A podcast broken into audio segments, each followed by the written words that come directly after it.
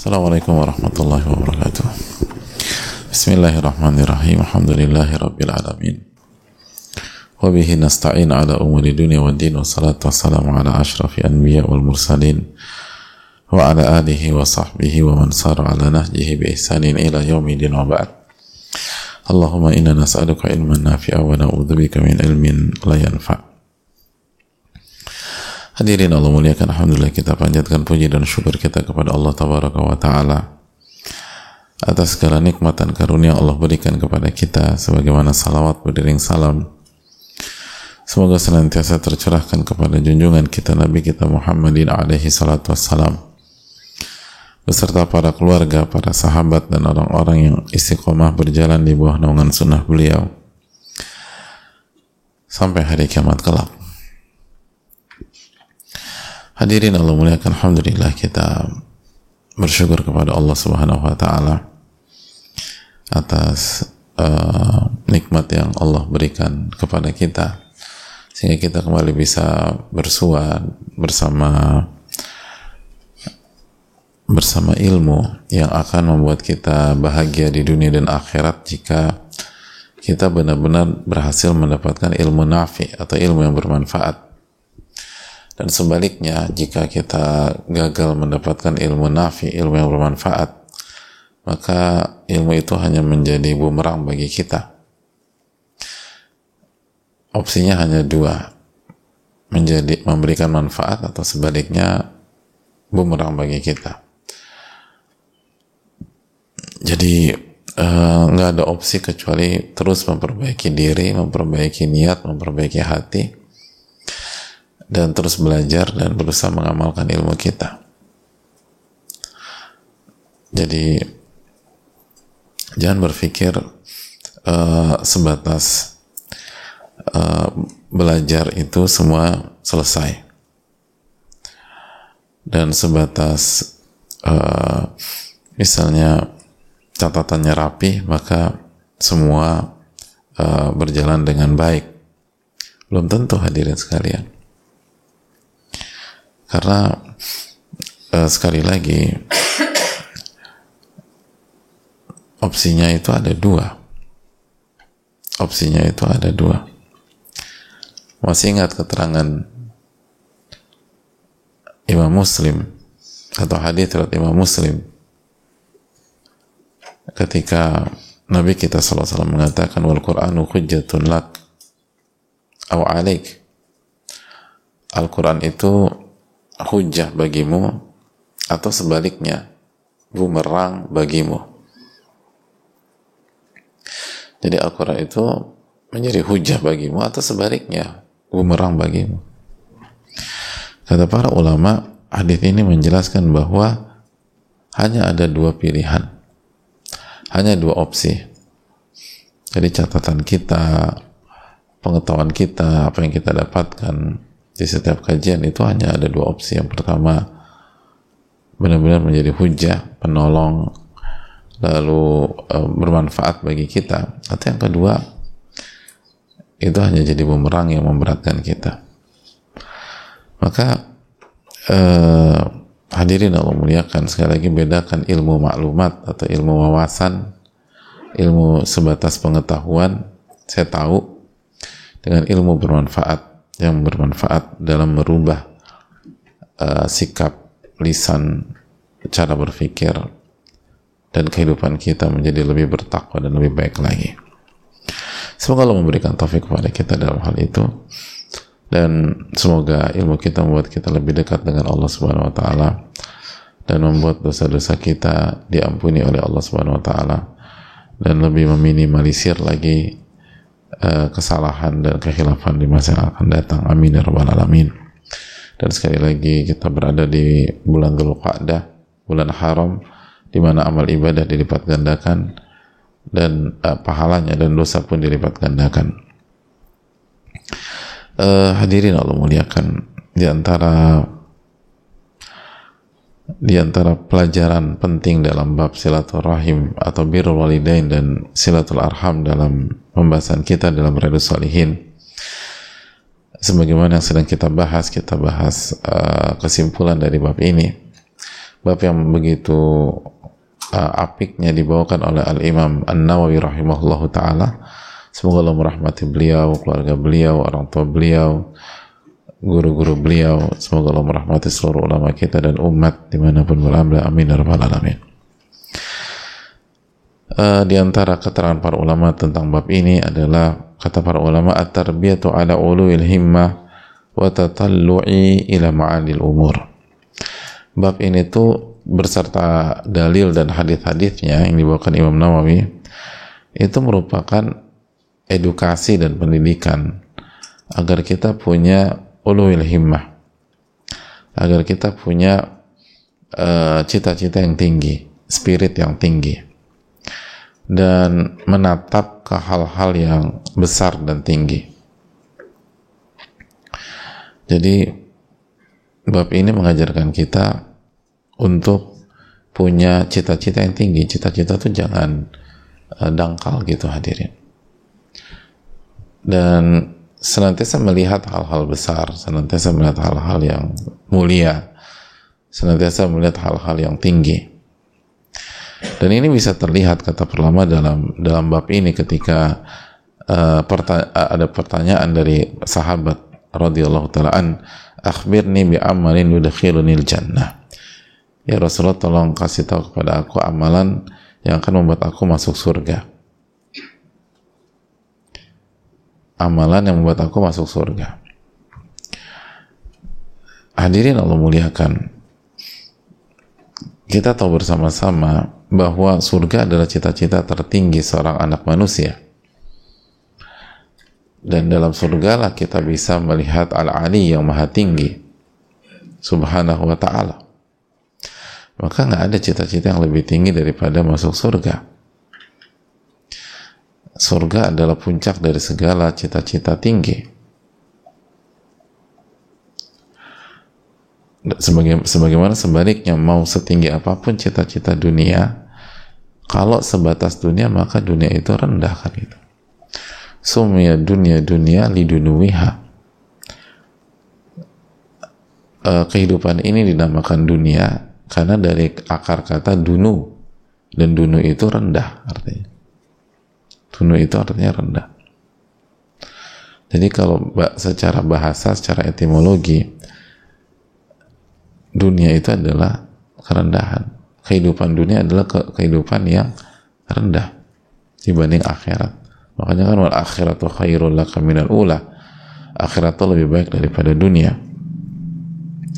Wal akhiratu khairu wa abqa. Dan akhirat lebih uh, baik dan lebih kekal. Jadi mau setinggi apa pun pencapaian kita kalau hanya sebatas dunia sekali lagi kalau hanya sebatas dunia maka itu pencapaian yang rendah.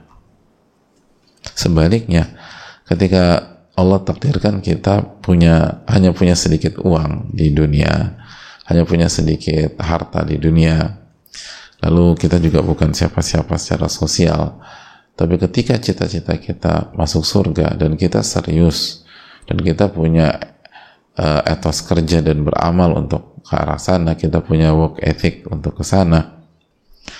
Maka itulah orang yang punya cita-cita tinggi. Dan itulah ditanyakan oleh uh, apa uh,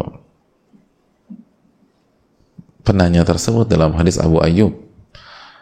Tolong jelaskan amalan yang buat aku masuk surga. Lalu Nabi mengatakan alaihi salatu wassalam ta'budullah wa la tusyriku bihi syai'a. Kau beribadah kepada Allah dan jangan melakukan kesyirikan. Lagi-lagi tauhid. Lagi-lagi ibadah kepada Allah Subhanahu wa taala dengan ikhlas. Wa tuqimus shalah dan kau tegakkan salat wa tu'ti zakat dan kau bayar zakat. Wa rahim dan kau sambung silaturahim. Ini jelas. Ulul himmah. Dan melihat hal yang tinggi. Dan sebagaimana kita berusaha terus tekankan di bab ini bahwa bicara tentang silaturahim maka Nabi SAW bersabda laisal wasil kal mukafi. Penyambung silaturahim bukan balas jasa. Namun penyambung silaturahim adalah yang menyambung orang yang memutuskan. Dan bisa bersikap di level itu itu susah. Dan itu level attitude level sikap level prinsip yang sangat tinggi hadirin. Dan ini uh, selaras. Hasilnya kehidupan yang paling tinggi yaitu surga gitu aja. Ini kan silaturahim itu salah satu amalan sosial tersulit gitu. Salah satu amalan sosial yang paling sulit yang paling makan hati udah jadi amalan sosial paling makan hati itu bukan bubur ayam pakai hati gitu. terus pakai apa lagi?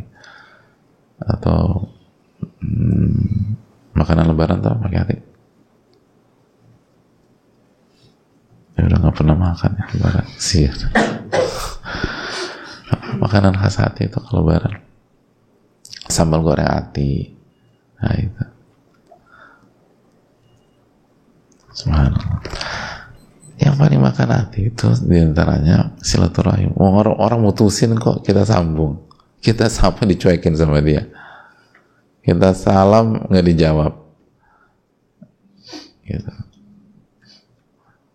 Kita WA nggak direspon. Bukan karena nggak punya waktu atau lupa atau terscroll. Emang tak dia kita tahu dia dia dia dia baca WA kita dan dia nggak mau balas aja. Dan bukan hanya di WA telepon nggak diangkat terus bicara nggak direspon itu kan rusak.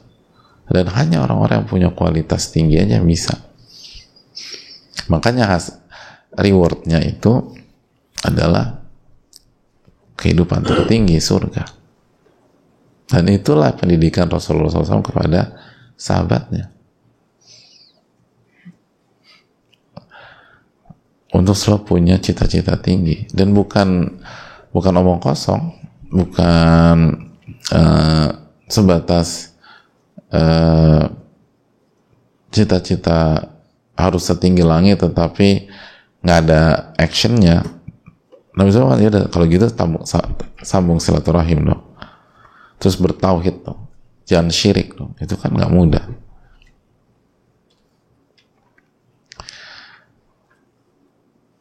Hadirin Allah muliakan maka cita-cita tinggi ini penting.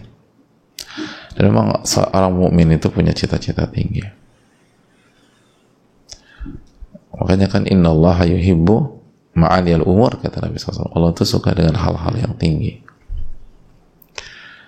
Wa yakrah safsafa. Dan Allah nggak suka hal-hal receh. Nggak suka. Allah itu sukanya Allah mencintai hal-hal yang tinggi. Oleh karena itu uh, Nabi kita SAW dan para ulama lalu para ulama kita mendidik kita untuk punya sisi itu. Bukan hanya sekedar hidup gitu loh. Bukan hanya sekedar uh, habisin waktu tapi benar-benar punya cita-cita yang punya cita-cita yang tinggi. Dan punya ambisi yang tinggi tapi positif gitu hadirin tapi tapi positif.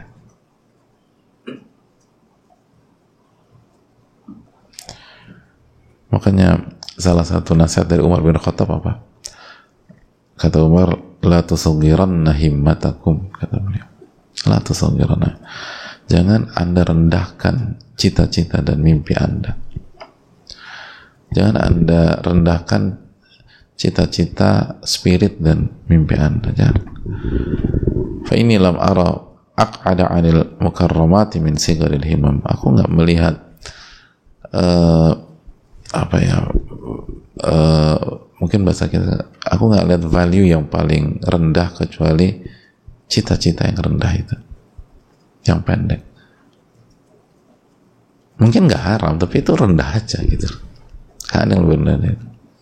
Dan bisa jadi terjerumus ke dalam hal yang haram kan. Jadi akhirnya kita udah apa santai-santai akhirnya tergelincir ke dalam hal yang haram. Dan itu itu prinsip para para para ulama kita.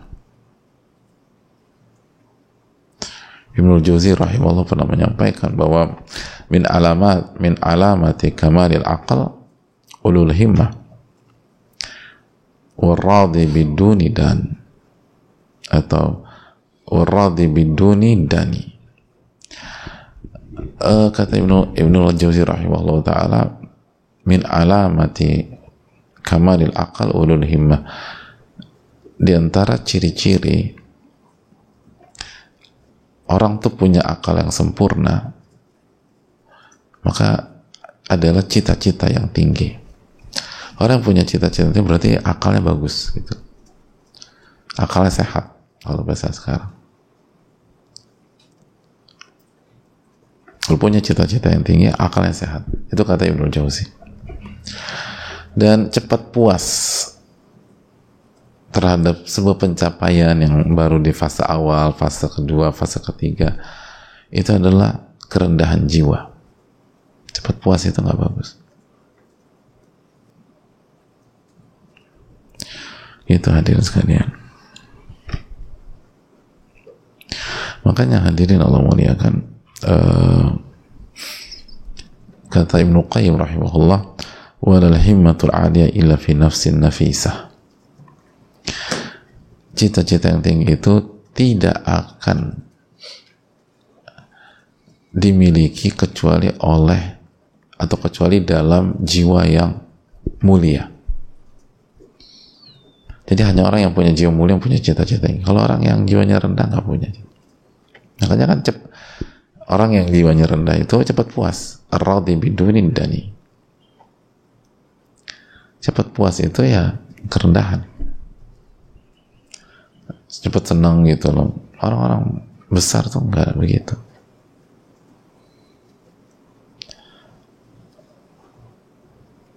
makanya kan sahabat-sahabat mulia Nabi SAW mengajarkan Allahumma inni tu nafsi zulman kathira ini adalah sahabat-sahabat besar. Ya Allah aku uh, sesungguhnya aku telah melakukan kezuliman yang banyak ya Allah. Nggak, nggak puas dengan diri.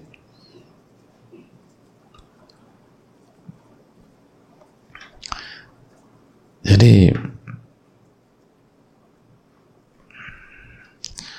uh, kalau ingin berhasil ya punya. Dan dan apa ya dan cita-cita tinggi inilah yang akan melahirkan ilmu dan amal. Jadi kalau misalnya kita kajian nih gitu, kajian rutin lalu akhirnya berhenti kita dari kajian rutin nggak nggak belajar lagi nggak menuntut ilmu yang yang yang runut lagi yang teratur lagi yang berseri dan bersinambungan lalu alasannya aduh gue ini sibuk banget bro gitu. Aku ini sibuk sekali. Nggak bukan sibuk. Itu rendahnya cita-cita. Itu mental nggak kuat. Makanya kata Ibnu Qayyim al ilmu wal amal tau aman ummuhuma ulul himmah. Tau aman al ilmu wal amal ilmu dan amal itu saudara kandung. Nah karena dia saudara kandung emaknya siapa nih? Gitu kalau bahasa kita. Ibunya siapa? Induknya siapa? Kata Ibnu ibunya ulul himmah. Cita-cita tinggi, spirit yang tinggi, semangat yang tinggi, mental yang tinggi. Jadi orang tuh berhenti dari belajar tuh bukan karena kesibukan secara umum, tapi karena mentalnya lemah, mimpinya pendek. Itu kata para ulama. Kita hanya copy paste aja, baca aja. Kata ulama yang udah berhasil dalam kehidupan. Gitulah dia atau amal gitu loh nggak diamalin atau berhenti biasa ngerjain ibadah berhenti itu bukan karena ya sekarang aku sibuk banget nih. Aku bukan sibuk banget. Cita-cita anda tuh pendek. Kalau cita-cita anda tinggi insya Allah Allah kasih taufik. Allah kasih kemudahan aja. Tapi anda berjuang.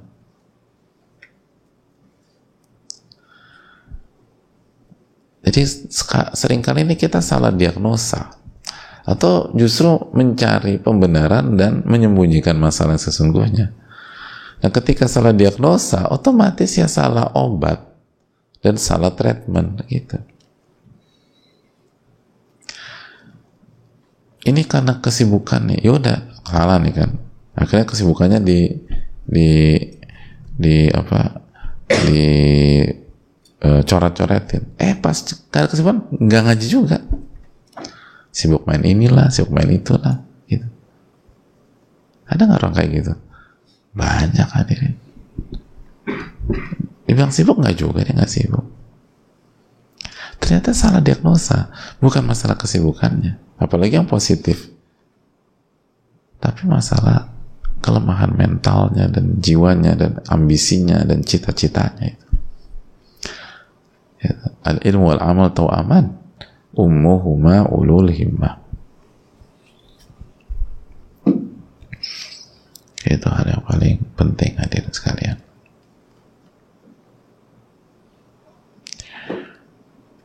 Jadi ya sekali lagi kata Umar bin Khattab la tasagiranna himmatakum.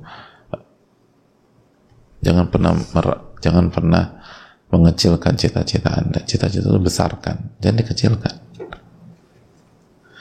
jadi kayaknya kebesaran nih Pak Ustadz. Jangan kebesaran. Kayaknya ketinggian nih. Enggak belum tentu ketinggian.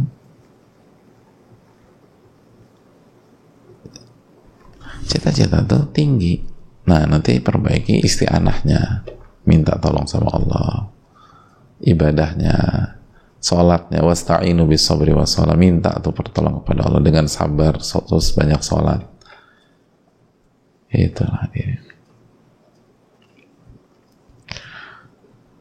Allah taala alam Dan inilah yang diajarkan dalam bab ini. Semoga bermanfaat. Allahumma inna nas'aluka ilman nafi'an wa na'udzubika min ilmin la yanfa' wa sallallahu alaihi wa Muhammad. Subhanaka Allahumma hamdika asyhadu la ilaha illa anta astaghfiruka wa atubu ilaik. Assalamualaikum warahmatullahi wabarakatuh. Hidup kian berkah dengan berwakaf Al-Quran. Sahabat, Mari kita isi hari dengan penuh keberkahan ini dengan amalan-amalan baik. Atas izin Allah, Muhajir Project Peduli menjual dan mengantarkan Al-Quran wakaf dari Anda ke para penuntut ilmu, penghafal Al-Quran, dan muslimin lainnya di Indonesia. Insya Allah, Anda juga dapat membeli mushaf tersebut untuk diri dan keluarga. Insya Allah mudah dan multi manfaat. Keuntungan penjualan Al-Quran wakaf insya Allah akan disalurkan untuk keragam aktivitas dakwah dan pendidikan Al-Quran di bawah Yayasan Muhajir Peduli Indonesia. Al-Quran Wakaf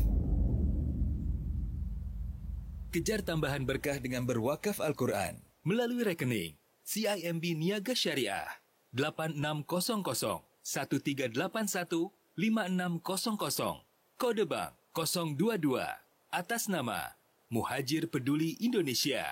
Muhajir Project Peduli.